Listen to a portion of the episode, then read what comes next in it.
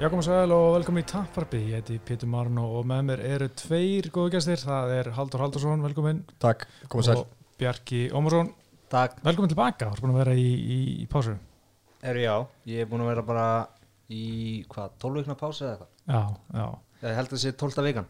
Já, en kom, kemur hérna sterkur inn. Uh, Sko, þetta er náttúrulega þáttur nummer 101 uh, og bara eins og vanlega finnst mér gaman að rifi upp auðvitað 101 eða veist, kvöldin sem í uh, hérna, þátturinn er svona í sama númer, skulle segja uh, auðvitað 101 Það var í ágúst 2009 uh, BG Penn vann Kenny Florin á því kvöldi. Það var mjög fyndið bara það Kenny Florin reyndi eins og hann gætt að taka BG Penn niður mm -hmm. í sko sko svo lengi í þrjár lótur eða eitthvað. Sorry ég er aðeins að laga mig. En að og svo allt í nákvæm BG Penn herri ég tek því bara niður. Tók hann niður og soppa hann strax svo var náttúrulega Andros og Silva fór skriffin á þessu kvöldi. Þetta var þegar Andros og Silva fór í, í Matrixi og rótaði hennar fór skriffin, það var mjög skemmtilegt. Svo var líka hérna Johnny Hendrix rótaði Amers og Dolla á 29 sekundum þetta var, hann var á djúsnum sko.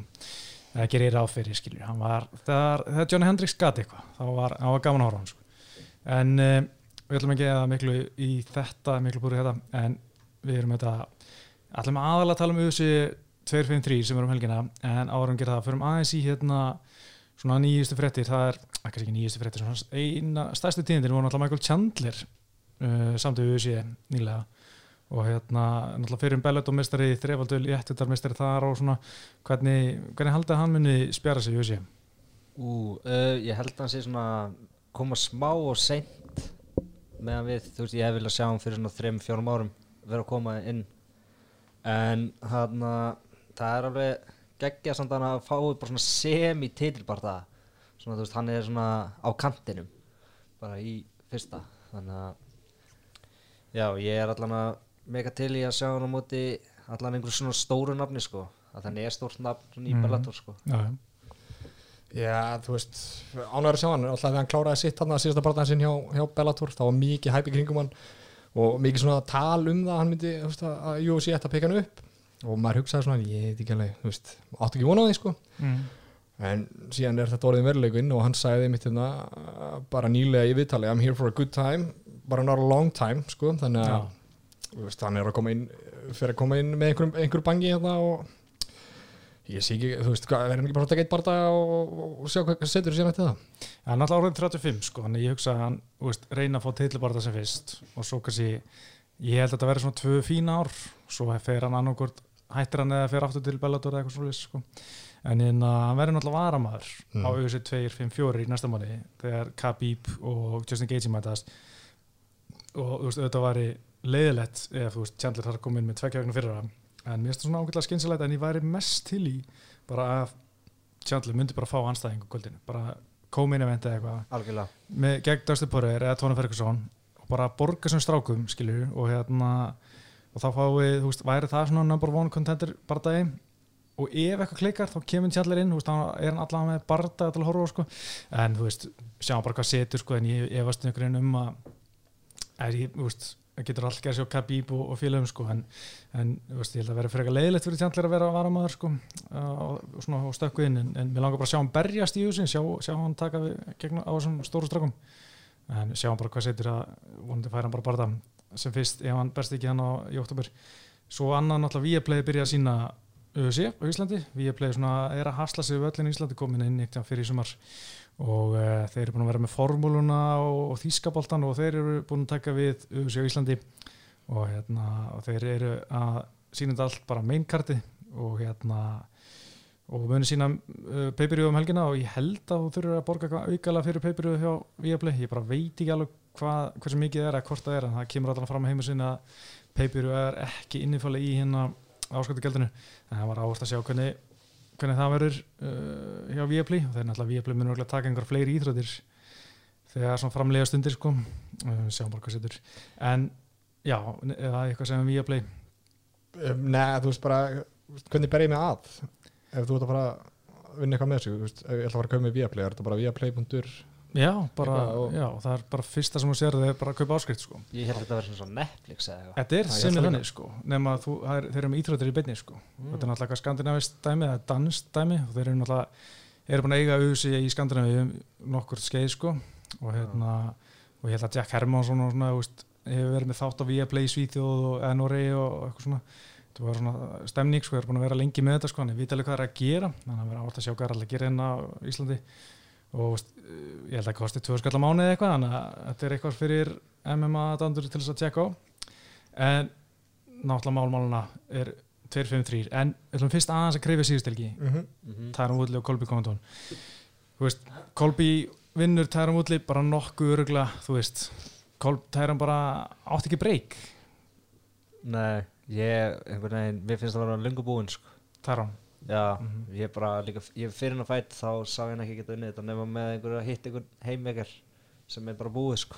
Já, þú veist, ég trúi aldrei lengur að munni ná því, sko. En það er samt, Kolby er, eins leðilega hann er, þá er hann ógeðslega góður, sko. Það er skemmtilegt að horfa á hann svona stundum berjast ef maður bara svona ítir persónleikunum hans frá, sko. Ég er sammála Björka sko, fyrir hennar fætt þá held ég að enginn eitthvað pikka pikkaði útleif hérna fyrir hennar fætt sko, gengur allir út frá því hann var að tapa samt heyrir maður hérna þjálfarnas Rúfus Dúgrúfus mm. hérna að segja fyrir bardaðan að að núna þyrftu þeir að fara to a dark place og hérna fengu inn Masvidal í kampið og Ja. sko hann þyrfti bara veist og, og sem breytist ekki neitt sko. Nei, Brey, nei. eftir síðustu töfbörðum breytist þeir ekki neitt sko.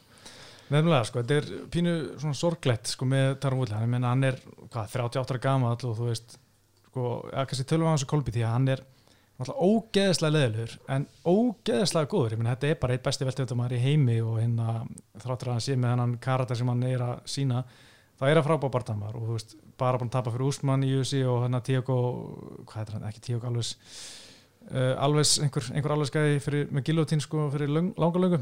En hérna annars búin að vera bara mjög svona nánast óstöðandi en sko, mér strætt eitt pyrrandi með, með Kolby, hann var að tala um, já, það er engin klára að tæra útli eins og ég, bara, já, bara það er horrið, það er engin klára að tæra útli eftir að meði sig. Í riðbynnu, þetta var ekkert eitthvað sérstaklega flott finnis, þetta var ekkert eitthvað finnis sem ert stoltur af, bara, herri, ég klára hann Nei, að því að meði sig í riðbynnu nei, nákvæmlega. Það er pínu, pínu kjánulegt sko. En með Woodley sko, þú veist, hann virðist bara ekki vera með þetta lengur þú veist, auðvitað menn breytast alltaf og mér finnst það mjög ávart sem hérna Dean Thomas annar þjálfari hérna þar hann Woodley var að segja veist, hann var að segja, þú veist, þegar hann alltaf fyrir um maður sjálfur, veist, ég á 25 ára þá, veist, vildi ég bara fara og fokka einhverju gæmi upp, Mhm. skilur, og síðan það var orðin eldri, þú veist, orðinn næstu 40 og var að berjast, bara mér langar ekkert svo mikið að fokka sér gæmi, mér langar bara, bjóðum út að borða og spjalla, veist, mér nákvæmlega, það mjög svona áhvert, þú veist, þú bara breytist eftir því sem eldist og svo hérna bara þannig er bara lífið, þú veist. Og saman með hérna Doug Rufus talandi um hann líka, hann var að tala um Pettis þegar Pettis var svona að byrja að fjara út þú veist, þú ert margir koma inn í þessa íþrótti bardaíþróttir og kickbósi eins og Doug Rufus á sín tíma sem einhvern reyðir ungi menn og síðan bara, þú veist, kynast með konu og eignast fjölskyldu Mhm. og verða bara hamingi sem er, þú veist, fjölskyldufeður og það var rosalega skrítið að fara að vera einhvern einhver reyður ungu maður í, í búrunu eða í ringnum, sko, þetta, veist, menn bara breytast og þroskast með íþróttinni, sko, þannig að þetta er svona það er líka svona pína ávart að sjá, þú veist að, hérna, þó að menn eldast að vera ekki sem íþróttamenn, þá erum við líka að breytast sem bara mannesku, sko. sko Kolby var líka eða, veist, já, í mörg ára er Kolby að að tala sko, mad shit í Garf útlegi og náttúrulega öfugt líka í, í, í mörg ár og það sem svona mér fannst skrítið eh, fyrir bardaðan sko, veist, rétt á hann að þið fór í hotnin sín að þá réttir útlegi fram nefana sko, touch gloves Mm. og Kolby var nei, þú veist ef maður verið Kolby, hvað, þá veit maður og, þú veist hvað er ánum það, þú veist, hann, hann, hann ætti að hata veist, hann lítur á hrættur eða eitthvað þú veist, það, það sló mig allan að þannig sko því ég sá þetta. Ég, held að það myndi aldrei gera sko, hann rétti fram hendunar ekki gott sæn sko. Mm En sko, einmitt, með, með hérna Taran veist, hann var tekinn þrísasinnum niður í 21 barða í USA og Strækurs, bara að- hann var með sko 98% felluvörð, bara eitthvað styrla felluvörð.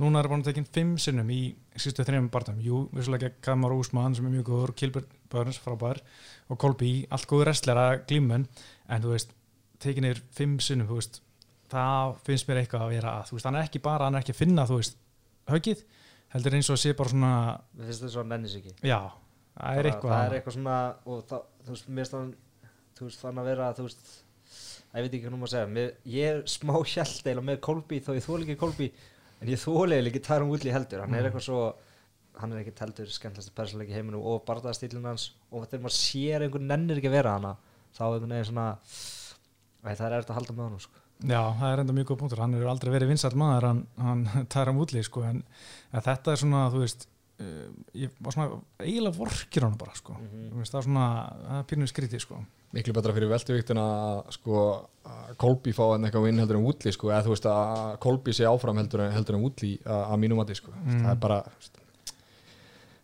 maður var eitthvað sem í sama ef maður myndi hætta sko eini, mm. eða, eða, hann, mér finnst hann einu alltaf hætta eini mm. sensin sem maður myndi eitthvað svona vilja sjá hann taka eitt aukulíf fær, myndi fara sér upp um flokk og taka einhvern veginn barða og þú veist að verða að hæpa það eitthvað sko. Það er eiginlega ekkert að hæpa hann lengur í, í þessum þundaflokki finnst mér sko. Það myndi fara Johnny Hendricks legin að fara upp í millivitt, vera feitur og hérna og skýta sig þar og hætta svo. Ég, ég er til í það. Þú veist ekki, ekki meiri alltaf. Nei, nei, en ég er hérna sko, minna, Woodley er alltaf að tala um ég er greatest welterweight all time, þú veist, ég, bara nei, veist, og Joe Rogan var alltaf að tala um þetta líka það var meistri, þannig að alltaf Joe Rogan mesti hæpmaður, skilur, það er rugglað Já. það, er bara, það pyrra mig svo mikið hann Mhm. sér eitthvað eitt nýtt eitthvað og þá bara gleymir hann öllu sko. það, er- einmitt, það getur verið pyrrandi sko. George St. P. GSP, hann er alltaf það er góð bara í velterweight, það það er kemst engin nálatunum, sko. það er ekki hægt að taka á hann sko. Nei, en aðeins sem sko hvað Kolbjörn var að gera, ég menna hann þarf væntalega bara að býða eftir Gilbert Burns og Úsmann þeir munu klára sitt, hvað er talað með november, desember, sem er bara fýt bara dag sko, en veist ég er mjög spenntar að sjá Úsmann aftur á móti Kolby, mér veist að fyrir bara það var frábær en, hérna, en ég hugsa bara að henda Kolby í Horka Massadal klára það dæmi mm -hmm. og svo þú veist, ef Kolby vinnur þá fær hann annan sens, já, í meistara hver sem það verður. Að ég vil ekki að ég held svo mikið með Jorgi sko, og ég veit bara að hann er ekki að fara að vinna mm. Kolby og þá vil, þá vil ég ekki sjá það sko. Nei, ja, það en ég er enda meira til í að heldur en rímatsin á mútið Nate Diaz sko. Já, Já, í bara, það er ekkit með að segja sko. En á hvaða tímapunkti, þú veist, við þurfum samt eiginlega að sjá Kolby á móti Masvidal, þú veist, á hvaða Mm. tímapunkti ef þið væri að setja þetta saman, þú veist hvenær, hvenær er tíminn til að sjá þann bara það er Já, sko, það er einmitt spurning bara hvernig við séum að gera það, ég menna Jorge, hann vil fá almenna borga, hann gera það síðast. Mm -hmm. það var líka til bara í pay-per-view og hérna mainkarti og allt það, en núna þú veist hann er ekki mistari, hann er ekki bara að vera uh, main event, nema að sé um einhvern bull BMF titil gegn Diaz, þannig að það er spurning hvort hann verið main event á Fight Nighti, þú veist, þá fær hann einhverja exco summu, en fær ekkert, þú veist pay-per-view bónus. Eða hvort að hann verið co-main event á móti Kolby, þú veist á einhverju stóru kvöldi og fá samt bónus þar, en þá það líka bara þrálótur og spurning hvort að þessi tíma á borgunum skilur þessu upp að ef hann er ekki eins og main event sko. þannig að ég er svona pínuspendur að sjá hvað, þú veist, hvað taktíku þessi gerir uh, með hann sko, einmitt. svona businesslega sko. Hver, hver, er búið að setja bardaðan hérna hvenær er hann eftir, Úsmann Nei, svona, það Úsmann tala um, tala um desember, ég man ekki alveg hvort sko. Já. þannig að það verður bara ég held að það sé svona ekkit svona ekkit nema úsmann sem meittur þá ætti það nú að vera nokkuð borlegjandi held ég að vera bara í brála sko. en Kolby, ég menna sko, hann hefur oft verið segja aðstæðanlega hluti, skilur og með sitt magadót en núna fannst mér hann að fara eiginlega bara vel yfir línuna, sko, Mhm. með það sem hann var að segja eftir bardaðan, sko, hann var bara einu sem vantaðilega var að segja bara ennorði, sko, þú veist, hann var að tala um bæði Já. Úsmann og hérna á Tænum Ulli, sko, hann er bara þú veist, hversu langt er hann tilbúin að ganga til þess að selja sig fyrir eitthvað gimmick, sko, ég, ég fatta það ekki hann er þetta Trump lukku dýratna sko og það sem hann sagði var langt yfir, langt yfir strikið. Uh, samt sko að maður flippar að segja við þá vill ég heldur ekki sjá að UFC sé að setja einhverja miklar hömlur á hvað barðað með mig að segja sko, þeir Mm. reyna að selja fætin og þú veist þú veist, ættu UFC að setja einhverja hömlur á að hérna, hann hérna útleið mætti ekki segja eitthvað um Black Lives Matter skilju, þetta er svona semi-politísk sko. En þetta er svona, ef þetta er leiðilegt og uh, þetta er leiðilegt og umræðin um þetta er líka leiðilegt sko, mm. Svona semi-nennir þessu ekki en þú veist, maður verður samt eiginlega að taka á þessu Já, þetta er náttúrulega, það sem Kolby var að segja um, veist, Black Lives Matter, þetta væri allt bara, hvað, einhverju glæbamenn og hriðverkamenn sem væri hana og þú veist, og þetta er náttúrulega Black Lives Matter, byltingin er nú mest blökkumenn og segja að það sé allt bara glæbamenn er nú bara Mhm. mjög rasist, sko. ah, line sko Og hérna tala um að Úsmann þyrfti að hlusta á einhver reikmerki frá ættbalkinu sínum, sko, það er líka vel yfir striki, sko. En ég menna, þú veist, hann er bara að, taka þetta stans alla leið, sko, ég meina, og, og að, veist, ég skil alveg, þú veist, hann er ekkit það, hann hefur aldrei verið það pólitískur, eins og Vulli var að segja þegar þeir voru að æfa saman, hann var aldrei að pæla í einhverju, einhver dæmi, hann var að æfa í honum í St. Louis, sko, það sem er svona, það sem bara Vulli kemur frá, sem er bara svona í Ferguson í, í St. Louis sem er, sko, það sem mikið af svona Black Lives Matter bylgjan byrjaði bara, mm -hmm. var bara að æfa þar og var engin rassistu þar og hann er aldrei kosi sko. hann kausi ekki þessu Trump í síðustu kostningu sko. Þú veist, hann er ekki það pólitísk þetta er svo augljóst svona eitthvað gimmick sko. algjörlega en ég veit ekki af hverju hann er að taka þetta svona ógæsla langt ég, ég skil það ekki alveg sko Nei, þú veist, hann bara þarf eitthvað, hann þarf að fasta sig við eitthvað til, a, til, a, til að selja sig og hann er að sko, samsara sig með þessu, þetta er svona fínt að geta samsara sig við þessu svona far right movement, eitthvað svona að ég bara, einhvern veginn alltaf sem Trump stendur fyrir, skilur, hann er að heimfara það yfir á sig, að því, þú veist, að hata það flestir, en það er einhver smá kjarni af fólki sem elskar Trump, sko, þú veist, og fær hann það löf, sko, mm reyna að vera sér hæll, þetta er samt svona, þú veist þetta er alveg svona, þú veist, það er- alveg leðilegt en stundum er þetta skemmtilegt, sko. Já, sko ég skil alveg eins og vilja vera svona einhver vondukall eins og Karlssonin var að gera sín tíma og allt það, en hann var líka sniður og skemmtlegur mm -hmm. að þú veist, að því að Kolby er að fara þú veist, hann er bara basically að mála sig sem einhvern Trump rasista þú veist, Já, sem bara af hverju ættir að vilja vera það til þess að selja þig, sko, þú veist, mm. af hverju hvað, hversu langt er það tilbúin að ganga? En átti ekki að kötta? Hvað þetta Kolby, já, hann hefur sagt það sko, en það getur vel verið að sé eitthvað til því, og, en ég menn hann var líka ekki í spennandi, en, en hann þarf ekki að ganga alveg langt, en, en sjá bara hvað setur, en er eitthvað eitt fyndi með þú veist, UFC og hvað þeir eru að gera sko, veist, þeir eru með hann gæja á sig sem, hvað hérna talar um, veist, hvað Black Lives Matter er mikið einhverju glæpamenn og, og hriðverkamenn og svo er hann, veist það er ekki langt síðan UFC var til einhverja veist, fyrir George Floyd sem hérna, -hmm. byrjun á þessa setni bylgi sem var núna í gangi einmitt. svona pínu svona tví ekki sverðið um einhvern veginn en ég ætla ekki að fara í einhvern pólitískum ræðina Nei, sleppum því, sleppum því ég veit ekkert skilur, ég er bara en hérna, en hann er auðvitað já, ég býst við að, að Vulli hætti eða svona, nei, ég býst við að hann halda áfram en hérna, sé svona stutt eftir í honum Kolby fyrir bara vonandi í Horki Masudal en uh, það var annar gæði sem var heldur betur í sviðslöfsnu um helgina, það var Tíma F þetta voru hvað, 17 sekundur Mhm. Já. hversu góður er þessi gæði? Mjög góður ég hann að sá hann fyrst berjast þegar hann var nýbúin að berjast með John Phillips hann að Mhm.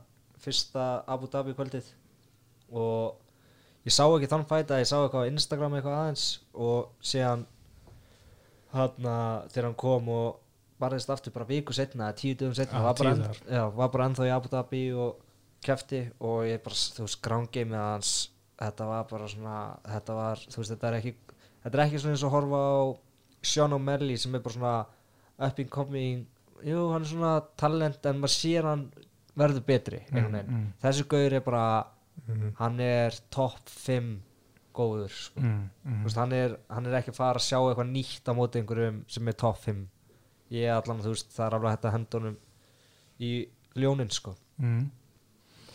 Mm, Uh, ég er og, og, sko, finnst svona umræðan vera svolítið svona, það er einhverjir að segja hérna, slöppum aðeins af, þú veist, þetta er bara þrýbardar, þú veist, við höfum þú veist það hefur gerst áður að vera að hæpa einhverju gæja alltaf mikið upp, alltaf snemma, sko. En maður hefur ekki séð þetta áður, sko. Mm. þú veist, maður hefur ekki séð einhverja svona gæja sem eru að koma inn nýjir, sko, gera það sem hann er að gera. Þannig að Mm. það segir mér að þessi gæja sé legit, sko. Líka seinastu fætun hans fyrir UFC og var á móti einhverju gaur sem var 10-0 eða eitthvað. Mm. og það var bara eitthvað eitt flottasta rótök sem ég sé einhverju uppercut sem komun síðan í UFC mm, veist, það- og sá gæði var líka góður veist, hann var ekki að keppa þá á móti gaur sem var 3-17 eða klassist sko. ég með sko, þú veist ok, hann fer á móti John Philly sem er með 0 ground game, sko, hann Já, já. nennir ekki að æfa glíminu, við vitum Mhm, það já. báður, en hérna en pakkar hún saman og pakkar hérna uh, hvað er hann einhver, mann ekki hvað heit Írin hana, Maki og svo fer hann á móti núna Gerald Mirsjart ég var, mér langaði að sjá hann glíma við hann mér langaði að Já. sjá hvernig hann myndi, þú veist, höndla gæja sem er í alveg svarspildi í gólfinu -hmm.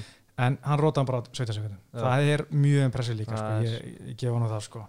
en, En- þú veist, við þurfum ekkert að henda hann sa- samt strax í ljónin sko. nei, hvað er hann gamall? 26, 26. Já, veist, það er alveg hægt að taka þrjá svona fæta í viðbót Mhm. þú veist, bara, þú veist, í staðin fyrir að vera eitthvað að þú mér er það smá leðilegt líka þú veist, ég er ekkert eitthvað tím það að hann fari beint á mútið einhverjum top 5 en þú veist, ég held hann sé alveg tilbúin í það Já. en ég væri alveg til í að hafa hann aðeins lengur þú veist og keppa móti einhverju svona gauri sem að eru svona prílimsfætarar mm.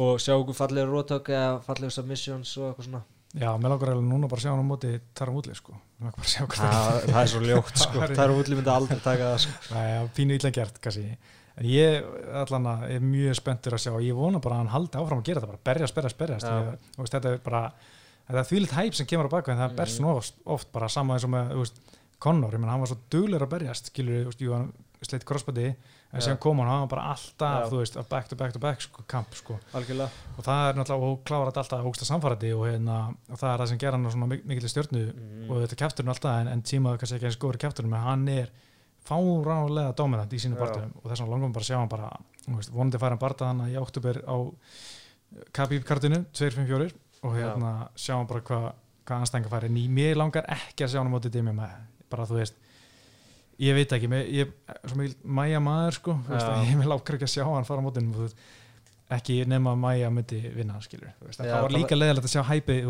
aðeins það væri skemmtilegt að sjá Damien Maia mútunum þegar Damien Maia var á múti Gunna og Jörgi Masvidal og eitthvað þá er þetta þá var ég eitthvað svona, ú, ég veit ekki hvernig en ég er nokkuð vissum að Damien Maia vinna ekki þennan fætt núna. Nei, Ég vann sko, ef, og síðan líka verið að, að, þú veist, að tala um að hæpa hans deyr sko, og síðan líka ef hann vinnur Maja, þú veist, þá svo auðvitað að segja, já, Maja er orðin svo Já. veist, þetta, var ekkert mál, það er eitt sem hann bæta við við hennar gæja, sem er merkilegt að hann er komin að hrættu upp, þú veist, hann er að jögla tveim þingdaflokkum, þú getur verið að byggja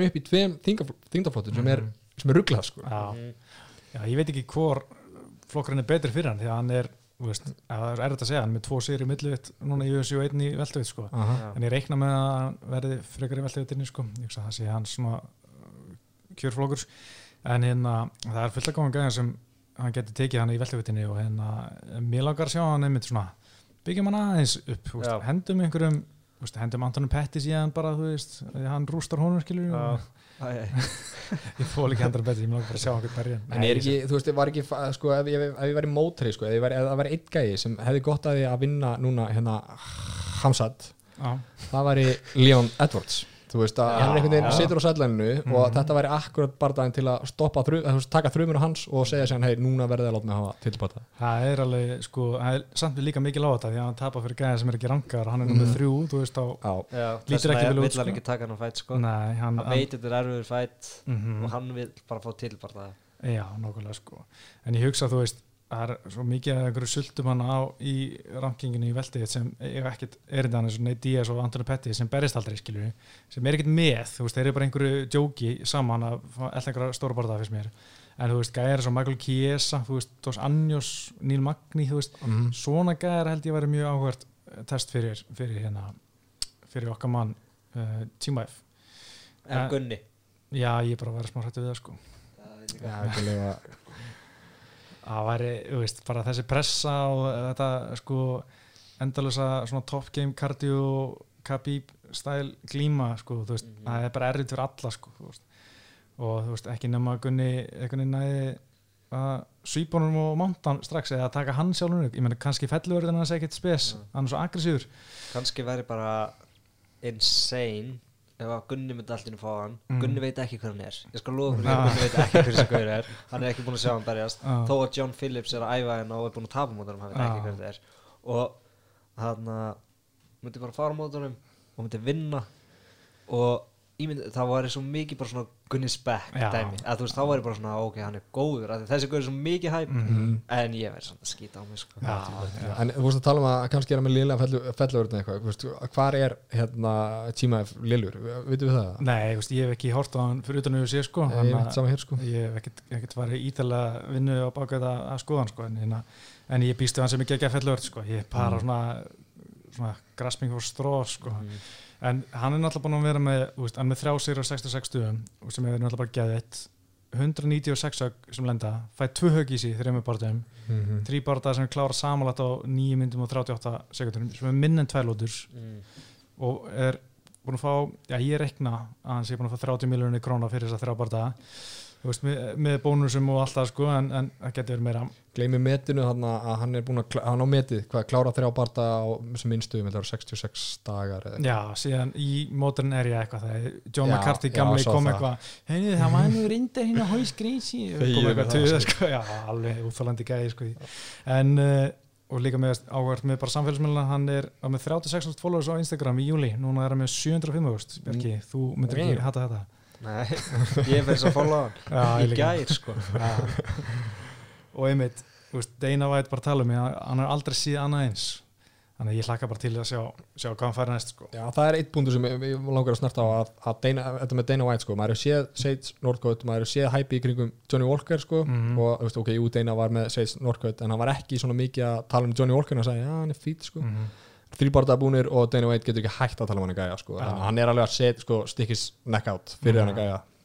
Þannig að það segir mann eitthvað aðeins líka sko. Já, hann er að promótera hann Já, sem er oft sem hann er ekki að gera þegar hann er að segja hinn og þessi þóra ekki að berjast. Mhm. en, uh, mm -hmm. en uh, síðustu barða sem tölum með þessu karti kannski er þetta Donald Cerrone.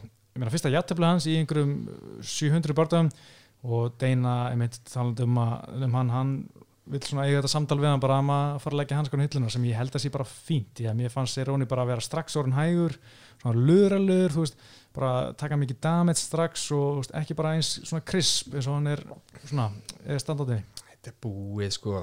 Þú veist, ég var eiginlega viss um að, að hann myndi kannski ná söpbi hann inn í þessu, Mhm. þessum barða að ég sína eitthvað aðeins frá groundgameinu sínu mm. sem var ekki neitt sko, maður horfði á þarna fyrstu 40 sekundunar og bara ætlar að vera boxbúði sko, Ja. allt eitt lífi, að þú veist, maður var bara damn, þetta er búið sko. Mm Já, það er svolítið síðan hann- er búinn sko, held ég sko. Hann er búinn að vera svo lengi WC Já, þú veist, hann er búinn að fara í gegnum allt sko. mm og þú veist, þeir, þú veist, einhvern veginn og það er alltaf svo sorglega þú veist hann var einu svona uppáhaldfættir næstu allra einhvern veginn, Mhm. hann er svona þannig gaur. Og svo leiðilegt að þú veist og þú ætlar að hafa svona margar svona minningar að þér sko. -hmm. þannig að það getur verið hægt bara, bara hægt eftir Connor jafnvel sko. Já, ég held að þessi vandamáli með hann, hann, þú veist, vill ekki hætta að tapa örgulega Nei, og vill ekki, þú veist, hætta með fimm töpur röð og þú veist, heldur alltaf að hann geti gert betur, veist, hann bara, hann er bara að tala um, veist, ég er bara ekki búin að vera ég sjálfur í síðustu barðum, en ekki sé gleyma því að hann voru 30 og hvað, 8-9 ára gammal og bara að taka mjög mikið damage. Já veist, það var einhvern veginn bara búin að stilla þessu upp fyrir hann eitthvað, þú veist, þú veist, búin að vera þessi hetja eins og er að segja, uppáhaldsfætir allra veginn, þú veist, að, þú veist, það er líkar engum illa við cowboy, sko, Nei, nei. það er búin að stilla þessu upp að, að Conor Bordaðin hefði geta verið kannski þetta svona síðasta stríð og Mhm. mm. fengi borga og, og segði bless, sko Mhm. en sér bara, einhvern veginn, var hann lamin í klessu og einhverjum, sko, 14 sekundum með hvað sem það var, sko og þá svona, ah, er þetta hægt til það, sko Já, og líka hann sjálfur að tala um bara að þetta var hans versta framist núna um helginu hann fannst bara ekki gaman hann fannst bara leiðilegt og þú veist, ef þetta er ekki gaman þú veist, þá er þetta bara held ég komið gott. En, en hann síðast sem ég heyrði á honum var bara hann alltaf uh, ekkert að berast meira þessu ári og síðan bara taka þetta aftur á næsta ári og reyna þú veist, svona eh, hlaða batterín eitthvað og, og berast tíma, hann er búin með þrjá barða þessu ári þú veist, sem er nú meira en uh, margir á þessum aldrei ætti að gera. En, en, en, en ég, ég var bara til í að sjá hann hætta sko en svona honum til varnar samt þá byrja hann þetta alveg ekkert eðla illa sko. En síðan einhvern veginn landa hann sig aftur inn í, inn í hennan barða sko, það var ekkert maður var ekkert eitthvað svona maður maður leiti ekkert undan, eða skiljið hver horfum þetta. Mhm, Þú veist, það náði eitthvað svona aðeins að svara fyrir sig en þetta er samt einhvern veginn þungt og, en á hann að hætta, vil ég sjá hann bara Já, hann, hann hefur ekkert að sanna, þú veist, hann er aldrei að fara í titilinn eða hann er aldrei að fara fara neitt skilur, 37 ára gammal búið með sko, sko 53 barða MMA, þetta er, þetta er bara komið fínt og líka bara svona eins og heila skurlagnin sem kom inn að held fyrirlistur í mjölnum um daginn fyrir tveimur ára hann sagði alltaf, þú veist, þegar þú ert hættur að bæta þig, þú veist, orðin eitthvað gatekeeper, þú veist, þá áttu bara að hætta þessu sko, mm. menn hann á bara þjána vel inn, skilur kassa vel inn örgulega að fá, þú veist, öllum þessu barðum reyndar, eigðir hann alltaf fara alveg miklu í alls konar dót og eitthvað tæki en þú veist, hann líka giftið lækni það sé já. næs sko, Já, þú veist, hefur með sinn búkart já, veist, hann er bara í fínum held ég. ég held að hann er bara að sleppa þessu og bara setja gott sko. ég vil sjá hann á International Fight Week næsta ári og þetta er Diego Sanchez og Mm. síðan búið sko. það er barðað sem ég vil sjá já, og síðan getur hann hætt það var enda bara skemmtilegt sko. En uh, ein, já, svona reytti lókin Johnny Walker, hann náði einu sigri. Ég um, ránaði með það, veist, þetta er bara svona gæi skilja, hann er aldrei verið mistri Nei, en það verður alltaf gaman að horfa á hann skilur. Hendum Johnny Walker í einhver gæja sem eru til að standa á mótunum og þú veist, bara sjá hvað gerist og Já. þetta er, þetta er svona einhvern tasmaníu djöfull í honum sem, sem er gaman að horfa á. Mhm, algjörlega. Og Líka skemmtilegt að John Cavan er, hann er alltaf þar núna. Já, einmitt sko. Og John Cavan var í hotninu hans og svona er skemmtilegt að hann sé hann John sé með einhverja svona ekki bara einhver íra Nei, já, það er svona já. skemmtilegt já, Haldólegi hérna okkar maður hann var alltaf svolítið aðeins með honum þegar hann var úti hann síðast. Já, þeir voru eitthvað hérna, náða vel saman held ég. En uh, eitt með Johnny Walker þetta er bara svona liðbæðarsvort, dæbæðarsvort gæi þú veist, hann elskar að fara í stríð. En uh, eins og góður íslensku allir sem sverði bregða munu fyrir sverði falla sko, ég elskar hann að frasa, ég er búin að segja hann svona líka. þetta er, ég googlaði það En- eins og þetta með Ísberger kom inn á þetta með John Kavanagh það, sko, maður sá samt maður lærði veginn ekki nýtt ekki nýtt með, með Mhm. Walker eftir hennar barða sko, sama inn í, inn í ringnum en allt svona fyrir utan fannst mér sko, þú veist hann var ekki að taka handarhlaupi að dansa í walkoutinu og Mhm. þú veist, hann hendi sér ekki á öxlin á sér eftir hann búin að vinna veist, svona, hann- að John hafi aðeins nánu niður Já. þar sko, þannig að þannig að bara að fara aðeins að, að laga það sem er sér inn í ringnu sko, því þar breytist eða ekki neitt sko, það gerist bara eitthvað sko. Einmitt, það, það er góð punktur og eitt í lokin reyndar að því að hann að þessi högg í nakkan, það var svona hotnið kvartað mikið því þetta er, margt af þessu var svona mjög gráð svæði en þú veist, ég var að horfa á þetta endursynningu og ég ætti erð með að sjá það skiljum, Mhm. erfitt er dómar að sjá þetta, þú veist, en að, svona úslita högg í olbúin hennar, mér finnst hann ekki farið aftur í nakkan en það voru eitthvað svona högg hana fyrir og, og eftir Já. sem voru svolítið í nakkan sem er, þú veist, alltaf erfitt skiljur en ég meina, en þú veist þetta er erfitt grátt svæði skiljum En er þetta einhver tíman kallað í bördum þetta aftan í hakkan, eða það er bara sagt what's the back of the head? Og sen er ekkert, þú veist, það gerist aldrei eitt annað sko. Já, rétt, já, sko, maður er sér menn vera bara eins og Vítur Belfort vera að kýla menn bara, bara eins mikið nakkan hætt er að kýla sko, en samt gerist ekkert sko. en uh, förum í uh, barndagkvöld helgarinnar hérna, bara eftir sletta baby. 30 mínútur auðvitað 253, það er auðvitað í Abu Dhabi er að fara og ég auðvitað horfði að fyrsta en betið þáttir sem kom í- út í morgun Já. þetta er bara einhver auðlýsing fyrir flugfélag þetta er en betið Þetta var þáttir sem við séð sko. fárlega leðilegt sko. ekki sé, hlaka til bara þrjá ára hálf mynda að þeir eru að tala um hvað er næs í flugvölinni hérna Emirates vilni, bara Jesus Christ sko.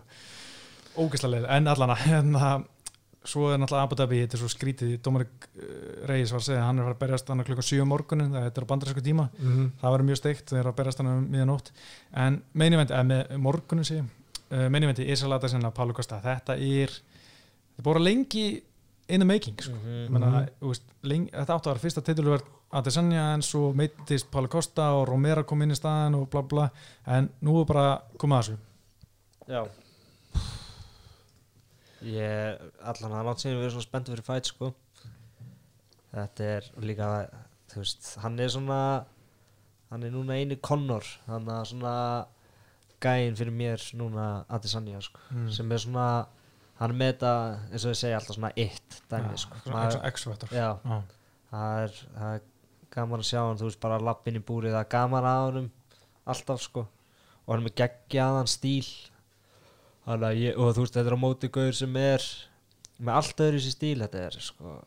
Ég veit ekki, ég er allan að hefi spenntur fyrir þessu, sko heldur betur sko. Ég menna, en sko Kosta er búin að vera sko lengi að komast mm í hennar tilparta. Ég menna, hann er búin að vera eitthvað mittur og ég eiginlega sko ég hef ekkert að móti hún og þannig séð og finnst mér ekkert rosalega skemmtilega, ég bara nenni ekki að fá hann sem meistar, ég held að hann vera ekkert aktiv veist, hann hefur ekkert, hann er búin að vera í þessi síðan sko, hvað, 2017 eða eitthvað, en hann sko bara, þetta er að þrjú og og hálft ára eitthvað svo leiðis og þetta er bara fimm barðar sko Hefur einhvern tíma hann feilað á vikt eða? Nei, eh, ekki, ekki en þó en það mun gerast held ég en hérna, ég menn hann bara stíðist í ágúst 2019 og veist, svo tók hann, hann tók þrjá barða 2017 en svo alltaf bara eitt barða ári veist, hann er Já. ekki búin að vera það aktiv Nei. sko, líka veist, ég var með fína sigur hann gegn John Hendricks og Júra Hall en þú veist maður hefur ekkert séð það mikið á hann sko, hann að ég er alltaf, veist, mjög spenntur að sjá hann aftur sko.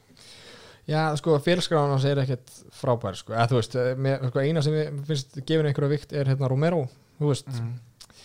jú, jú, Ræja Hall kannski en Hendrix, er hann ekki lungu búin að þetta, þetta var að Jú, jú, ég teipa samt á Hendricks á þessum tíma sko, en skulum ekki tegna eða ómikli í það já Það er hérna Hendricks er gjörsalega búinn, hann átti ekki breyk sko. Já, en hérna, já, veist, Jóni Pála Kosta búin að vera bara mjög góður sko. ég meina, hann kom í töf Brasil þegar Karlsson og Vandali Silva voru þjálfarar, já, það var 3-0 og hérna dætt út í í undanúrslutum en fekk samt ekki samningu þessi, hann var satt hann var satt að vera ofgrætt, að hann tók einhverja nokka hvað, fimmbartæði viðbútt, var 8-0 fekk þá kallið sko og búin að vera þetta mjög góður síðan þá sko, en fyrst ást að tala um viktina, kannski við getum aðeins fara Mm. tala um það, því hann er hjúts, hann er reisastór hann er sko, þetta er bara fáralegur vöxtur á einu manni að hvernig þessi maður nær 84 kg millit ef með bara hulin ráðgóta eins og svo ofta á mörgum þessu gæðum en núna, þú veist, tölun sem er heyra er að hann gaf út hvað 11. september.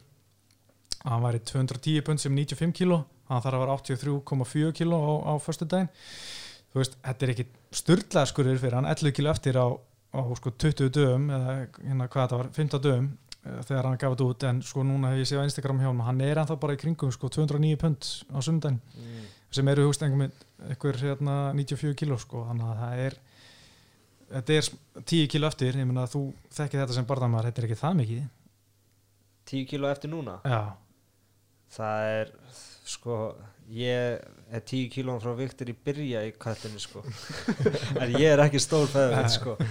En hann að ég er ég nenn aldrei ég hugsaði fyrir senasta fætt þá hugsaði ef þetta verður eitthvað aðeins meira þá fyrir bara upp sko. Mm. að þetta er svo umlegt sko. Mm. og ef ég ætti 10 kíló eftir, hvernig sagði hann átti 10 kíló eftir? Hvað sunnudaginn sýttum mér já, nei, það er bara viðbjóður og hann er svo skorinn líka. Já, shit sko. Er ég að vannmetan feitt að vannmetan niðurskur eða Já, þetta er, eh, þú veist, mér finnst þetta ógeðslegt sko. já, að ég bara maður heyrt skilur þú veist, jú, þetta er auðvitað ógslætt ég er ekki það Það næri þessu það að ég man sko eins og, hvað var ekki í hinnan notóriðismyndin að Conor var að kíkja viktina fyrir Hósi Aldo, hvað Já, var hann, var ekki hann- 74 eða eitthvað, það var á sunnudegi og Viktor, það var held ég svipað á þetta. Já, það var á sunnudegi eða lögadegi þá var eitthvað, já, 5-6 staðar í Viktun og þá Stefán og Viktor og með minnan hafi verið 73 kom með eitthvað næstu í 74 og hann var eitthvað, that's not good. Já, þetta, þetta verður skurður sko. Þetta verður, en ég menna uh, þú veist, hann er náttúrulega eins og segir, ógæslega skoran og þú veist, ef hann nær vikt núna, það var bara fínt en ég held að sko, það kemur að því að hann nær ekki vikt og fyrir upp um flokk því að það er bara ekki sens að hann geti þetta lengi, ég trúi því ekki sko. Talandi um sko hérna vöxtin á honum minnið að það verið einhverju embedda þetta þar sem hérna Henry Cejudo var að mm. ég held að hann er síðan það kom eitthvað að koma fyrir sko og það var hann á offsúsjónu og það var hann svolítið svona veist, hann var hann pattarlegur sko veist, ég kemur að þessu hörðu áttur á mér hann var pattarlegur en núna þegar hann er slást er hann ekkert eðlilega skorinn og, og risastór mm. -hmm. skrýmsli eins og, eins og við erum að tala um en síðan hérna, var ég eitthvað að vinna í dag og leittist og fór hans eitthvað að skróla á YouTube og þá rakst ég á eitthvað frá hérna, Farasa Habi, þar sem hann satt heima einn á sér í hérna í stofunni heima á sér skilju, Mm. var ekki nýru viðtalið ekki nýru podcast eitthvað, var ekki að tala einn í mæka sem hann var að segja hann var pottjættur á því að hann væri að djúsa hérna, að þú veist, að, Já, ég sá, að, þú veist, ég sá þetta en ég hann hlustaði ekki á þetta og var eitthvað að gefa ykkur hérna, ástæði fyrir því að þú veist, þeir væri ekkit að hérna, Júsata væri ekkit í Brasilíu í COVID að testa og Já. svona, ja, ég bara svona mm, ok, þú veist, ákveður þetta einn eitthvað heima að segja þetta sko, en þú veist, það er, fólk er allan að velta sig fyrir sér sko. já, ég meina það horfum allir á mann og það er allir að hugsa það sama að það sem Já, er já. ekkert eðlilega massaður og skorinn og þú veist og hann er alltaf að tala um sko, þjálfur hans hann að að hann æfir, veist, bara 6-8 tíma á dag, alveg straight og bara æfir eins og motherfucker og bara svona, já, þú veist þú getur okkur gert það að varst að styrum, það hjálpar uh, en hérna en ég veist, hann er samt búin að vera að testa nokkur reglu held ég fyrir hennar bara það, sko, sko, það er líka komið mitt ég man ekki, held ég að Adesanya hafi sagt að hann hafi ekkert verið að testa í Brasilíu og hérna, og Kosta sagði það á Twitter. Það er enginn að testa með hann. Mm, og hérna þá allt innu fór Já. byrjaði að testa meira sko. En ég meina frekar þægilegt að vera bara í heil í kampi fyrir tillibarta og erst falla láta hann pissa í glas sko. En sáu kántan eða? Nei, Það var smá hann að cool þjálfarinn hans eða eitthvað, en gæði sem held eitthvað sjó sem ég man ekki hvað heitir í Brasilíu mm, sem að Hósi Aldo kefti á og hann hann var champion. Verndum kefti á þessu sjói var ch- champion. Já, er þetta bara Jungle Fight hérna, Já, sem- já, já. Valid Ismail er með sem er umbóðsmaður hans já, já, hann er umbóðsmaður hans, já, einmitt. Og hann, hann talaði um líka flyweight championi núna. Figur, figur já, hann var þar núna champion og hver var líka, það var eitthvað einn enn eða eitthvað, tveir enn og síðan kom hann Polo Costa er núna Mm, næstur, já. skilur við fær, þú veist, titubarta, allir sem hafa fengið titubarta sem koma þaðan, Mm. hafa voruð champions. Já, já, það er, það er bara áhvert já. það er náttúrulega ekki það margir brasilíski mistra núna það er Núnes og er það ekki bara that's it sko? Já, ég man á sín tíma það voru fjórir brasilíski mistra sko. Það er nú ekki langt síðan sko. Ég held með þess að Núnes hafa verið að keppa já það var bara eitthvað fárlegt nei, hann er með í Figur Eito Já, flyweight. Já, rétt. vel gert. já, takk. En hann er alltaf með líka sama þjálfur Henry Cejudo sem er aðstæðanlegsti gæði í heimi ég, hérna. þól, ég, ég vissi ekki að hann væri þjálfari fyrir, bara, um fyrir nokkrum vikum. Ég held að þetta væri bara einhver svona gaur sem er alltaf með þeim. Bara svona hype man. Já, einhver svona gaur í entrasinu sem er svona bara eitthvað svona bara eitthvað vinu þeirra og er bara eitthvað og stundum bara með eitthvað svona motivational quotes á bollnum sínum Já. og eitthvað svona að segja við og, og síðan voru þeir eitthvað brjálar hann var ekki þjálfari ársins og eitthvað. Sko ég, Ég ég þóleik hann ekki að hann er svo aðstæðanlegur en sko hann er með Henry Cejudo Paulo Costa og hérna hefur þú séð hann þjálfa einhvern, einhvern tímann? Nei, en, á- en- hann er með líka Pitbull bræðurina sem eru, þú veist, hann er lettundumestri í Bellator þú veist, Mhm. þeir eru búin að vera að ná góðum árangri, Já. ég verð að gefa hann það en ég hef aldrei síðan veist, vera, jú hann hefur verið að láta henni sig út og eitthvað pötsum þar skilur að gera eitthvað í countdown sko. En ég er mitt, ég horf hann manna mann og ég trú ekki að hann viti neitt. Nei. bara ekki neitt, það sé ekki eftir gangi haustum hann sko. En ég veit ekki, hann er með þessa hann gæða þjálfaði ekki Póla Kosta í eina segundu í Ah. og í öllum YouTube-vídeónum ég er svona subscriber á honum. Ég, er alltaf svona að subscribe þessa fætra. Þeir eru svona eitthvað YouTube channel og þeir eru eitthvað svona að æfa og eitthvað og það, þú veist hann var aldrei hana Nei, hann, þeir eru auðvitað Brasilíu núna sko, eða voru, Já. og svo kannski þegar hann er í bandarækjan þá var hann hjá Mr. Eric Albarkane eða eitthvað hvað sem hann heitir Já. en ég minna, ég, já, Eh, eitt í þessu þannig uh, áttu hérna Kosta og Adesanya þú veist, maður hafði haldið það að þeir hafi verið einhver rosalega bífi sko og þú veist, eitthvað svona back and forth Mhm. milli þeirra eftir barda hjá Adesanya og svo veist, Twitter-akkántin hjá hérna hjá hérna Kosta sko, þú veist, hann er ekkert er að reyna að vera sniður eins og Conor þegar hann er að eitthvað svona að skjóta menn sko, mm. bara hann kemur sér beint að efninu Já. og nota bara ljóta orð og ítir þeim aðeins sko, og maður hafði haldið að þetta var eitthvað bíf Sér, þú veist, er ekki allir búin að sjá þetta myndbanda sem þeir eru eitthvað að hittast þarna sko. hittast á eitthvað svona buddy buddy eitthvað sko. Jú. já, svona fyrir æ, svona, svona gæði eins og mig, svona casual eins og mig sem langar stundum að trúa hérna rugglinu þú veit Já. að maður veit þessi rugg sko. Þú veist þá er svona skemmt þetta aðeins sko. Já, mér erst það skemmtilegt. Ég er ránað með þetta Ég, Ekki ég, ekki ég vil, veist, ég vil trúa sko þessi sjói sko. Er er. Að þeir eru alltaf að kalla hvern annan þegar hinn er í stúkunni og hinn er í búrinu og er að fokka hvern annan og þetta er bara svona eins og bara what the hell? Og þeir eru eitthvað á einhverju svona viðtali eitthvað þú veist bara í einhverju klikkuðum gýri eins og þetta sé bara þeir hati hvern annan. Ég er alveg samanlega síðan hittu þau og hann eitthvað hey, skinny eitthvað. Eitthvað svona- koma bara what buddy buddy sko. Það er eðilega fyrir svona, svona villisingum eins og mér sko sem vilja trúa að þetta sé allt real sko. Já, það það er alveg góða punktur sko. en sko aðeins svona í bara bardansjálfa þeir eru náttúrulega mjög skemmtilegir ó- stílar, er ólíkir. Pála Kosta, þú veist, hann er með mikla pressu tekur stóra sensa, er mikla pressu og hérna, svona mörg hann að lenda sko 8,43 höggum á mínútu sem er mjög gott og, Já. en sko svona mikið þessu, ég er svona að horfa nokkra bardaði með honum undarfari, er svo mikið bara upp í búri þar sem hann Já. bara læti bara 8-10 hann högg lætur vaða, hann vaða sko sko. Mhm. og þar sko verður bara mest best fyrir hann að ha hafa Adesanya þar en það verður mjög erfitt að gróa sko. Adesanya af uppi búri sko. Algjörlega. hann verður að gera þetta Kelvin Gastelum bara það Póla Kosta já, já, bara hjóla þá myndi ég vera hrættur sko að þú veist hann vankaði alveg tvísvar eða eitthvað að Sanja Mhm, að Kelvin já. vankaði að Sanja alveg mhm. tvísvar sko og ef þeir lendi alveg eins fætt og þetta er Póla Kosta þá verð ég hrættur sko þá Já. held ég þetta sé ekkert eitthvað bara eitthvað smá vank sko Nei, en mér finnst það sko Pála Kosta ekki vera eins góður úst, út, á, út í miðjubúri bara Nei, miðju gólfi, alls helst ekki ekki. búri veist, að þar séu líka mjög góðar opnur fyrir Mm. bara Adesanya til að countera. Við sáum bara líka Júra Hall, hann var að tjappa hann í drast Já. í, þú veist, allan hálfa lótu hérna þegar þeir mættust fyrir, hvað, tveim- tveimur árum. Já, og Júra Hall er svona, svona nokkuð svipaði stílar hann og Adesanya, góðu strækarar með langar hendur. En hérna meðast þess að hann væri já, svona pínu vandrar þar, hann Já. kosta en hann getur þetta að hafa bætt sér mikið þar sko, en hérna, en ég er mjög spenntur að sjá þú veist, þetta er bara nautið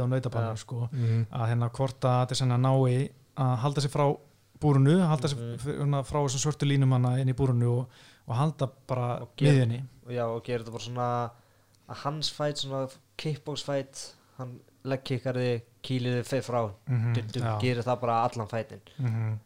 og Ég- já. Sorry, ég held að bara það sem ég ætla að koma að er, ég held að, að hérna, Adesanya hafi lært svolítið af hérna, gastelum bardaðan, Já. sko, sem gastelum einhvern veginn var með hann í vandræðum, með þessari pressu og þetta allt, sko, þetta dört í dæmi og sem fannst mér þess að vitt ekki alltaf að gera það sama við Adesanya, en þú veist, það var hann bara einhvern veginn með svör, sko, Já. þú veist, Já, var búin að læra, sko það er mjög góð punktur, ég meina veit ekki er alltaf að hjóla í hann sko, Mhm. og bara að þess að hann kantir hann í, í drasl í rauninni sko.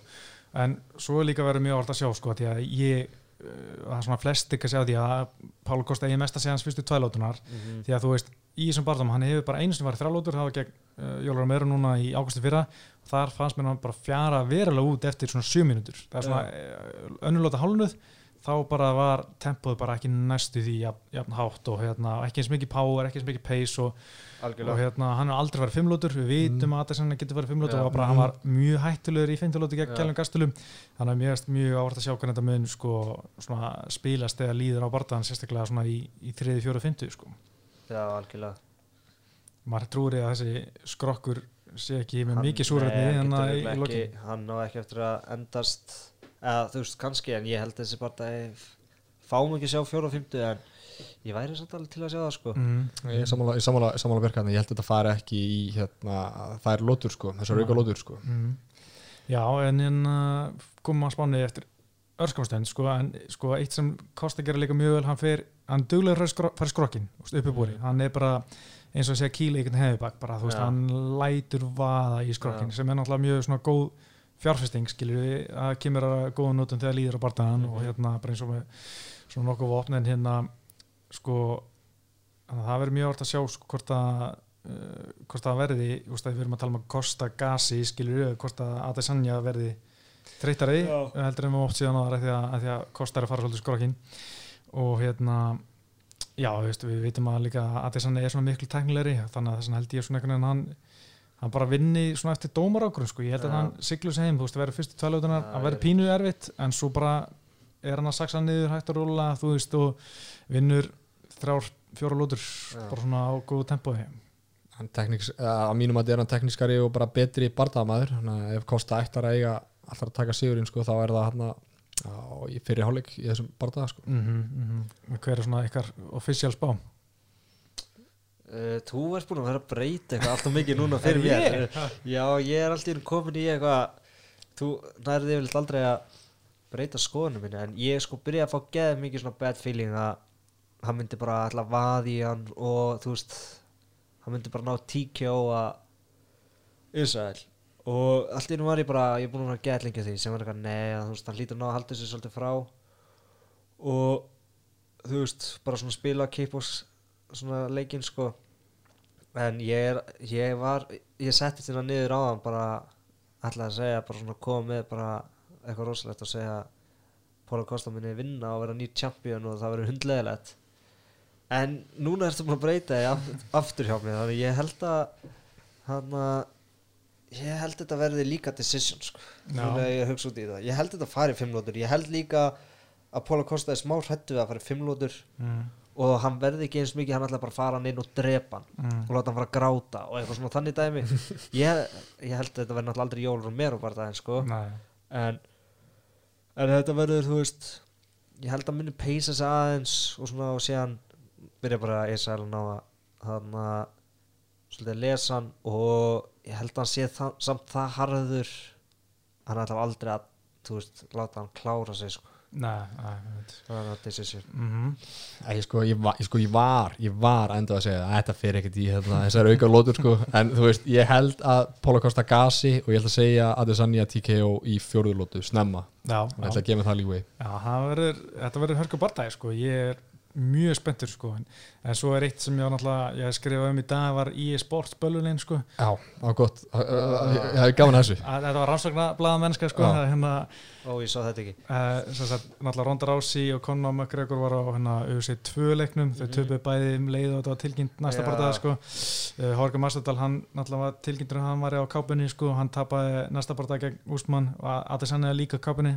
hvað gera hann á melgina svo var náttúrulega líka Conor, hann var á UFC 3 leiknum hann tapaði næsta gegn Khabib þú veist, Mhm. þetta er líka með Madden leikin sko. ég fylgist ekkert með NFL en það er alltaf að tala um að þessi Madden bölurinn, Madden er NFL leikinni sko, að hérna að allir þe- þeir sem byrtast í- á hérna kofurinn þar, þeir skýta á sig sko. Já. en, hérna, god damn it ah, en svo eitt svona ja, í lokin, mér finnst sko að Dana White var að tala um hann er ekki aðdándi þegar Adesanya er að dansa inn í búri af hverju ekki? þetta er, Nákvæmlega. þetta er fucking nett sko. Ég segi það, þú veist mér þetta fekk mikla aðtegli bara á samfélagsmiðlum og allir að tala um þetta skilur eftir Mhm. bardaðan pluss framhjústöðina en Dana White bara, neða, ég vil bara sjá menn labba og bara gera ekki eitt Ég skríti sko, því þú veist bara, sko starfið hans, Dana White, bara bókstæðja starfið hans er að selja fæts, fá fólk til að hafa áhuga á, þú veist vörunu sinni.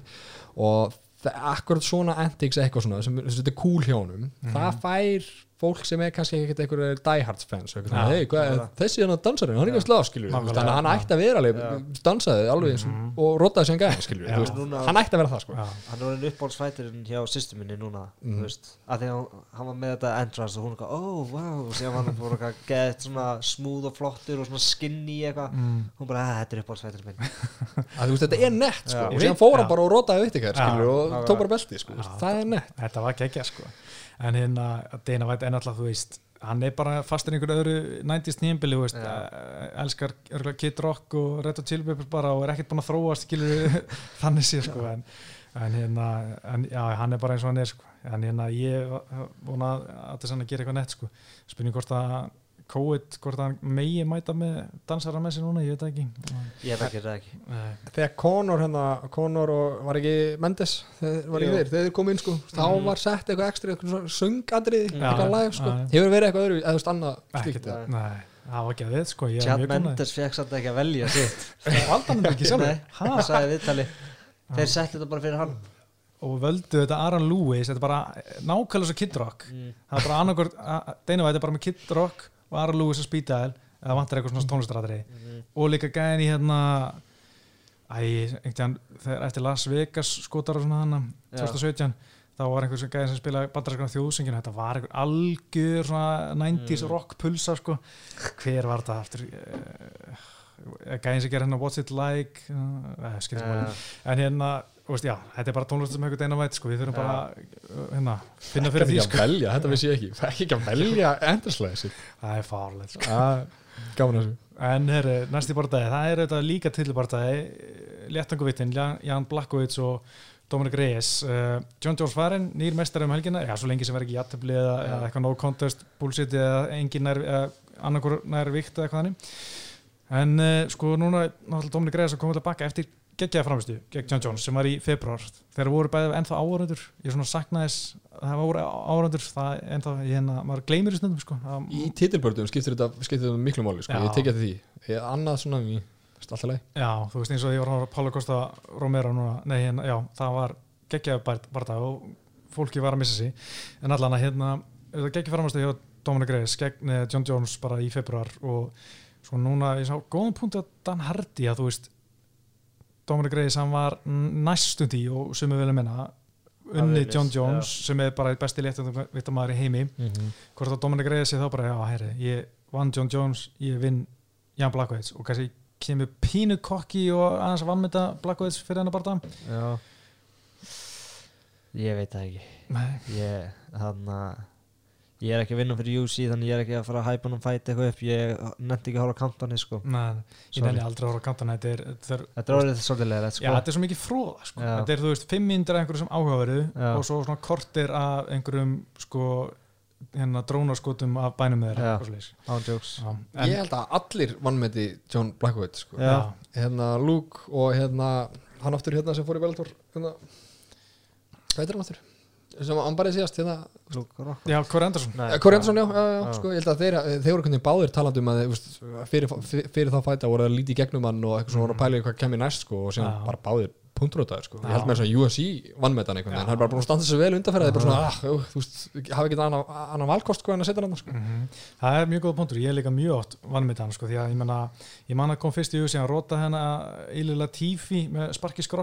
Bara geðið þetta spark sko Mhm. og þú veist, þá var hann koma sem hennar, pólski meistarinn þú veist, Já. bara hafa hæp sko, ég var ánæður að sjá þetta á síðan þú veist, þetta var náttúrulega Kardinas Gunna og, Rick Story hérna í sviðu ég heyrði hljóðið í betni eða með berum augum, þetta var, þetta var klikkaspark Já. sko, en hérna svo fer hann bara, þú veist, hann tapar næstu fjórum að fimm barðum sínum sko og þú veist, var bara, þú veist, mér fannst það vera pulsa mér fannst það vera svona, gafst auðvitað upp þú veist, hann var svona ekta svona bulli þú veist, að þegar búljar eru búljar á móti Já, þá bara brotnaðir og gefast upp sko. Já. það var eitthvað þannig. Og svo allt hérna bara vinnur hann sko 7-8 barðum og eina tapa hans var Rótau gegn hérna Tíokur Santos. Og ég bara hef aldrei skilið, ég hef aldrei lesið þetta um það, bara hvað gerðist, Já. af hverju bara, hann var að tapa mútið einhverjum gæmi, svo, sko, hann var að taka mútið Patrick Cummins og Jú, Kåre Andersson, hérna, wrestlan í draslu, þú veist, það var bara einhvern veginn, það var ekkert í gangi, svo allt í hennu bara fer hann á gott strík, hann er að vinna hérna Jimmy Manova og Luke Rockhold, Shaqarey, er þetta grútleðilegum bara og Rótar Kåre Andersson, Mhm. að hann bara, þú veist, 37 ára gammal er bara toppnum sko. mér finnst þetta mjög aðeinsvært sko. hann hefur breytt ykkur mataræði eða ykkur æfingaferð eða eitthvað skilju mm. Mm. ég bara skóðum til lofti sko að það virkar vel fyrir hann já, mér finnst þetta er eitt mjög ávart kannski, hérna hann ég veit ekki hvort það var í, það var eitthvað vídeo sem hann var bara að byrsta sjálfur að einhvern tíma var hann að lappa einhverju skói í Pólandi og sjá, sá mann hengdan, það var bara svona var lík, hann bara hjekk hann var nýbúin að hengja sig einhver maður í Pólandi og hann ringir á löguna og þeir koma að taka hann og eitthvað. Og hérna, og allt, hann fer regluð hana fyrir bardaða með hundi sinn. Mm. og reypið er ennþá hana ástæðum og, og snerti reypið það á að vera svona hillamerki og hann hefur unnið 6 af 7 bardaðum sem síðan hann hefur Gleymdar einu sinni í, nei, hann þess að snerti það en tapaði samt. Já, þannig að hann hefur unnið nánast Ok. alltaf. Þegar hann hefur snerti reypið dark. Aldrei snert þetta sko, nei. Sko það er ekki þetta í hug sko. Ekki sens sko, ég meina, þú veist ok, fyrst alveg að ég myndi sjá eitthvað mann sem er nýbúin að hengja sem myndi aldrei fara eina skó aftur sko, Mm-mm. og hvað þá bara eitthvað og af hverju ekki bara taka að því. Og setja fingra fyrir sig bara á það, sem var drap hann sko. Ég væri komið þangað bara þetta, er bara mjög skeri stöf sko. menn kannski var þetta bara en hann er byrjað á sig þá og, hefur bara tapað einu sinni síðan þá það, ég veit ekki, kannski var þetta bara það en, en ég menna uh, aðeins að barðan, þú veist, þetta er þetta sko, Dominic Reis hann, hann er með góða fótunni, hann er hraður, hann byrjar hratt sko, Mhm. uh, þú veist, Jan Blackwood hann líka, þú veist, hann er með góð spörk þú veist, sem getur svona stöða hreifanleika hjá, hjá Reis, en svona annars er ekki alveg að sjá fyrir mér hvernig þetta mun spilast sko.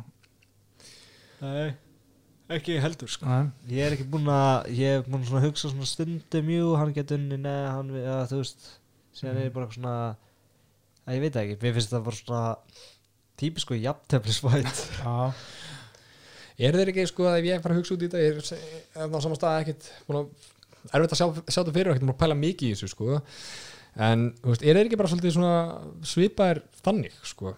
Uh, eins og þú segir, reyðis aðeins hraðari en þú veist, það sem að sér frá þeim finnir sem þeirra, þeir eru svona á svipaðum hátt sko, þú veist, annar er ekki ykkur pjúra wrestler og hinn er ekki Mm. bara, þú veist, þeir eru bara á þeir með einhverjum sleggju hendur sko, mm þannig að að, Já, sko ég er hérna mjög spenntur fyrir Dominic Reyes sko, en svo lengi sem hann kom ekki inn, kemur ekki inn í hennar barða með eitthvað vannmatt um að hann sé bestur í heimi að því að hann vann næstu því John Jones og þá held ég hann eigi svona hennar barða, ég menn hann er með þessa eitru beinu vinstri, þú veist, svona eins og hann rótaði Chris Weidmann með hann svona stífull vinstri og, og hérna, Já, eftir- það var stígull hella sko. Svona. það er Hann eitra er með voft sko. flott box sko. Mm Og hann var góð með uppi hvað þetta John Jones og svona.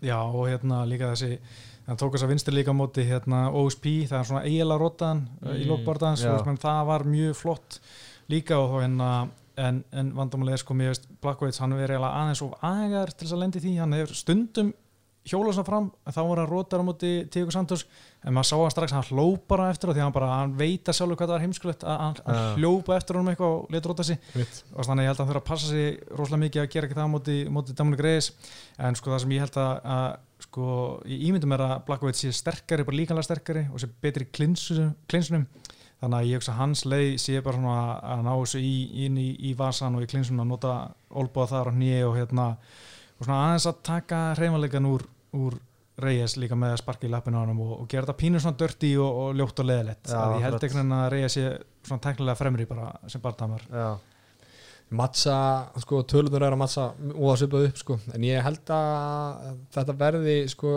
að barðan vera allan tíma standandi og held að verði, þetta, þetta verði skemmtun, sko. Uh, að, þú veist, þeir eftir að láta hendina flakka.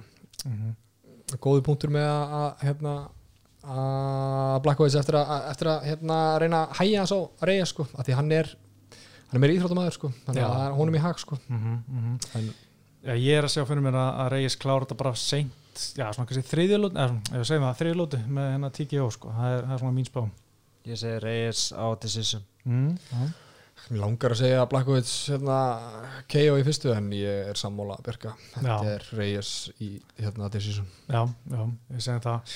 Annað ávart er að, sko, Dominic Reyes, hann var svona IT-kennari og starfsmæður í, í skóla, Pála Kosta var það líka, þannig að þeir eiga þetta samanlegt. ah. smá fækt uh, hérna, svo er sko svona kartið annað er ekkert það skemmtilegt, ég hefði viljað sjá þess að fætnandi síðustilgi var alveg betra kart fyrir utan, algjörlega. meinivendið, Mhm. sko heldur en þetta, en inn að vera með Kara Frans og Brandar Rauval í flugveitt ég meina Kara Frans, hann alltaf hefði með Adesanya í hérna Nýja Sálandi, er mjög góður fjórir eitt í UFC og meðan Brandar. Rauval, hann er bara 1-0 í UFC Mhm. ég held að Kara Frans taki þetta, uh, Brandar Rauval vann Tim Elliot, hann kláraði hann með einhverju tjóki hérna núna bara í mæ og það er eini börn hans í UFC mér finnst bara að Kara Frans uh, þú veist, hann er flottur og ég held að hann taki þetta, ég meina Rauval er rankar af því að hann vann Tim Elliot sem var rankar þá. Já, þannig að svona, ég veit ekki hvort hann sé alveg hann er svona góður sko. Þeir eru ekki allir að Þeir eru bara eitthvað 15 manns í þessu- í þessu flokki og þeir eru einhvern veginn allir með rank það er ekki mikið til sko. Það er mjög góð búndur sko. Uh, Kettlan Viera og Sitjara Júbanks, ég meina Júbanks var bara að berjast fyrir sko tíu dögum. Já, ég ætla að koma inn á það, var hann ekki bara að berjast bara á hérna, Watterson Hill kartinu? Það? Jú, það er bara mjög vel gert og hérna Júbanks hefur oft verið með, með stæla á töða sko, hérna en ég er ánað með þetta, hún er bara setur hausin niður og er að fara að berjast sko. En Kettlan Viera sko, þetta er ein óspennandi bardakonna en, en hún er bara með þeim bestu í bandaveit hvernig núna sko, en hún er hann tapaði náttúrulega síðast fyrir Irene Aldana sko, hvað var í desember en þar áður var hann búin að vinna fjóra í júsi og þú veist, þetta er allt frekar óspennandi, hún er bara ekki, ekki spennandi en, en hún er drullu góð þannig ég held samt einhvern veginn hún sé að hún er miklu stærri heldur en sítjára held ég, hérna svona stærri og sterkar og hún sé bara að fara að glíma svolítið og hafa yfirbyrð þannig gegn Júbank sko. En annars er ekki spenntið fyrir þessum bara uh, Hakim Davótu hann er uh, einum að fáutunum hans Khabib Subera Tukutjöf Já Aha. Hakim já, já, Hakim the Dream. Er þetta einna gæðinu sem fór inn í búrið það? Þannig að- ég, já, já, hann Já. var átti hérna góða innkomu þar. Já, Hakim er frá mútið honum. Já, Ég er uh, alltaf æft með Hakim alveg nokksunum já hvernig, hvernig gæði er hann? Mm, Hann er bara strækir. Ég var á mótunum í gólfinu og ég var bara F honum upp. Já. Það kom mér á óvart að þú veist, ég sem hann bara, að, þú veist, ég vissi ekki að hann var aðeins fyrir UFC þá sko. Já, og á fyrir debut en hann er mjög athletic og með gott stand-up en þú veist hann er svona og svo stand-up bara kjör. Og svo er þetta svona þú legg ekki að mig, ég legg ekki að þig stíl mm, en já hann er alveg bara svona segur já, já, já hann var, að, var eitthvað hjá John, ég veit ekki hversu mikið hann er búin að æfa lengur, sko hann hætti eftir UFC debut sitt Já. hjá John. Var, að- þá var hann að á, þá var ég alltaf að æfa með honum. John var alltaf að segja mér að vera á mótunum.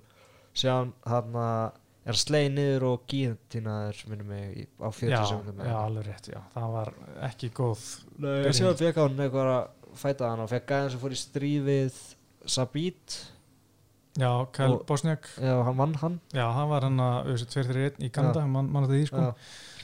þá var hann með ekki, John var það náttúrulega í Kanada með okkar manni Hann var sko. held ég ekki hann nei, nei, Hann fór aftur til já, Já. hann var, var með kanadíska hóttunum sínu sko.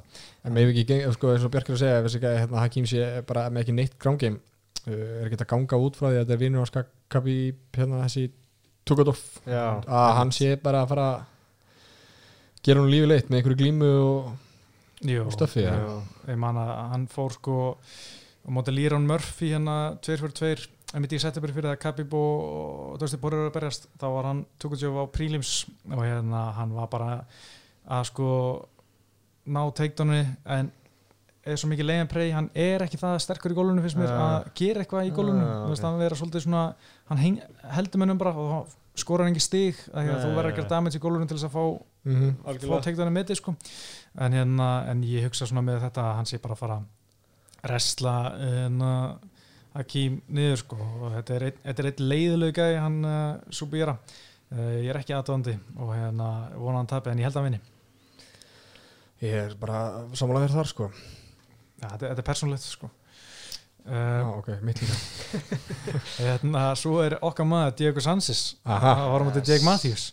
Uh, góðu fréttinar er að Diego Sanchez er ekki bara með gúrúin sinn í hóttaninu, heldur líka Stefan Bonner.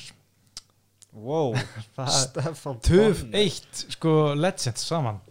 Snúða böku saman, þetta er svona eins og einhver buddy cup mynd. Hvað gerist við Stefan Bonner? Ég held að hann væri svolítið svona með smá vit. Akkur hann alltaf inn eitthvað að þjálfa Diego Sanchez já, ég, ég veit ekki hversu mikið vit hann er með en ég hef alltaf svona hann er ekkert verið það mikið involved finnst mér í íþróttunni, ég hef ekki séð hann áður í hotninu í það- öðrum Ég held að hann væri bara horfin já, einmitt sko, Það er gaman að sjá hann hann aftur sko.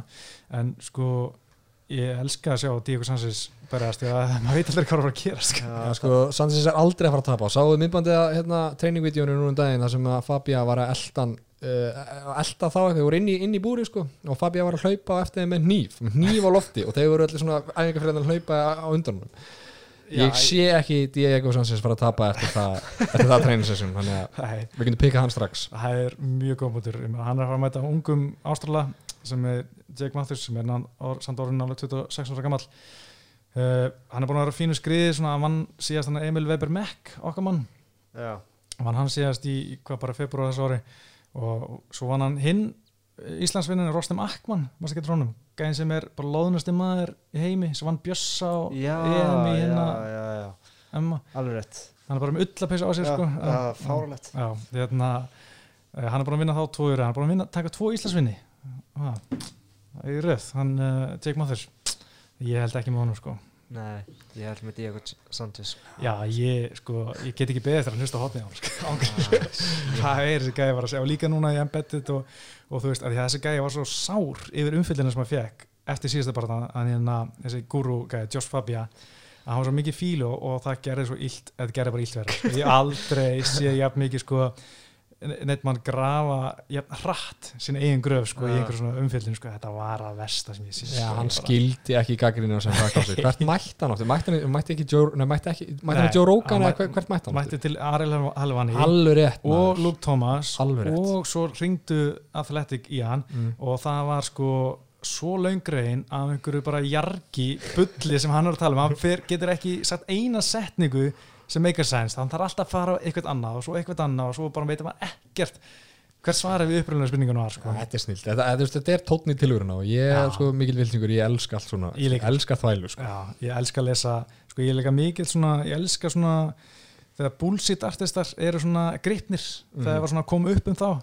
það finnst mér skemmtilegast í heimi sko. þegar, þegar svona Penn and Teller voru að svona taka eitthvað svona bullshit uh, hérna, pseudoscience eitthvað og, koma það upp um það mér finnst það er bara eitt af skemmtilegast sem ég sé sko. þegar ég sé svona bullshit artista í öllu sviðslöfni í bulli, það er bara gull sko. Það er visla En hérna, já, það er svo sem ekki margt merkilegt annað þess að kvöldi sem maður er ekkert að pæla í svona í prílim, sko, en hérna ég er allan mjög spenntur bara fyrir meinu og hérna meinkart er að byrja tvö uh, prílins er svona hálf 11, 11 og hérna þetta verður visslega alltaf að vaka.